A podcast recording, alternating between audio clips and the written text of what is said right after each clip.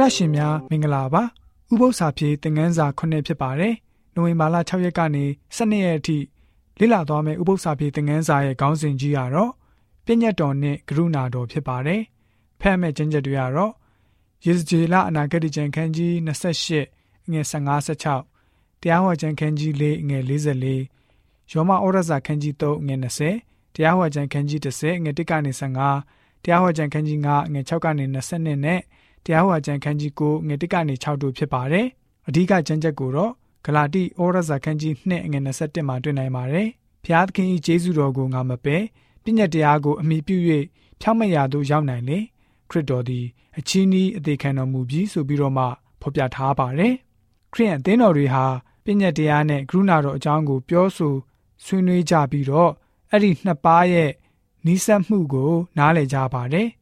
ပြည့်ညတ်တော်ဟာဘုရားသခင်ရဲ့တန်ရှင်းမြင့်မြတ်မှုနဲ့ဖြောင့်မတ်ခြင်းကိုအဆင့်သတ်မှတ်ထားခြင်းဖြစ်ပါတယ်။ပြည့်ညတ်တော်ကိုလွန်ကျူးမယ်ဆိုရင်အပြစ်ဖြစ်ပါတယ်။ရှမ်းဟန်ဩရဇာပထမဆုံးခန်းကြီး3ငယ်၄မှာဆိုလို့ရှိရင်ဒုစရိုက်ကိုပြုသောသူမည်ဒီကပြည့်ညတ်တော်ကိုလွန်ကျူး၏ဒုစရိုက်ဒီကပြည့်ညတ်တော်ကိုလွန်ကျူးခြင်းဖြစ်သည်ဆိုပြီးတော့မှဖော်ပြထားတာတွေ့ရပါတယ်။ကျွန်တော်တို့ရှိသမျှအားလုံးဟာပြည့်ညတ်တော်ကိုချိုးဖောက်ကျူးလွန်ကြတဲ့သူတွေဖြစ်ကြပါတယ်။ ဂလာတိဩရစာခန်းကြီး3ငွေ20မှာကျမ်းစာသည်လူပေါင်းတို့ကိုအပြစ်၌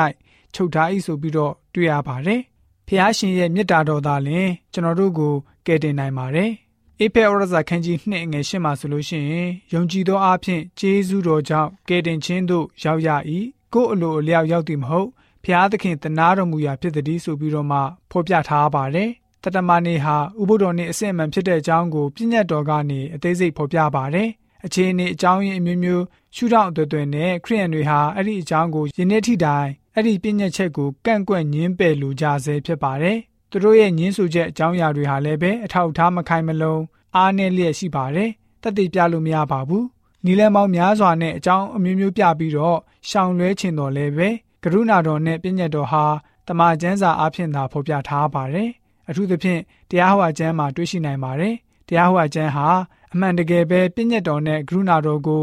ကြစ်လက်စွာပေါင်းစည်းပေးထားတဲ့ကျမ်းကျမ်းပဲဖြစ်ပါတယ်ဆိုပြီးတော့မှဥပုံနဲ့ဥပု္ပ္ပစာဖြစ်တဲ့ငန်းစာကဖော်ပြပေးထားပါတယ်။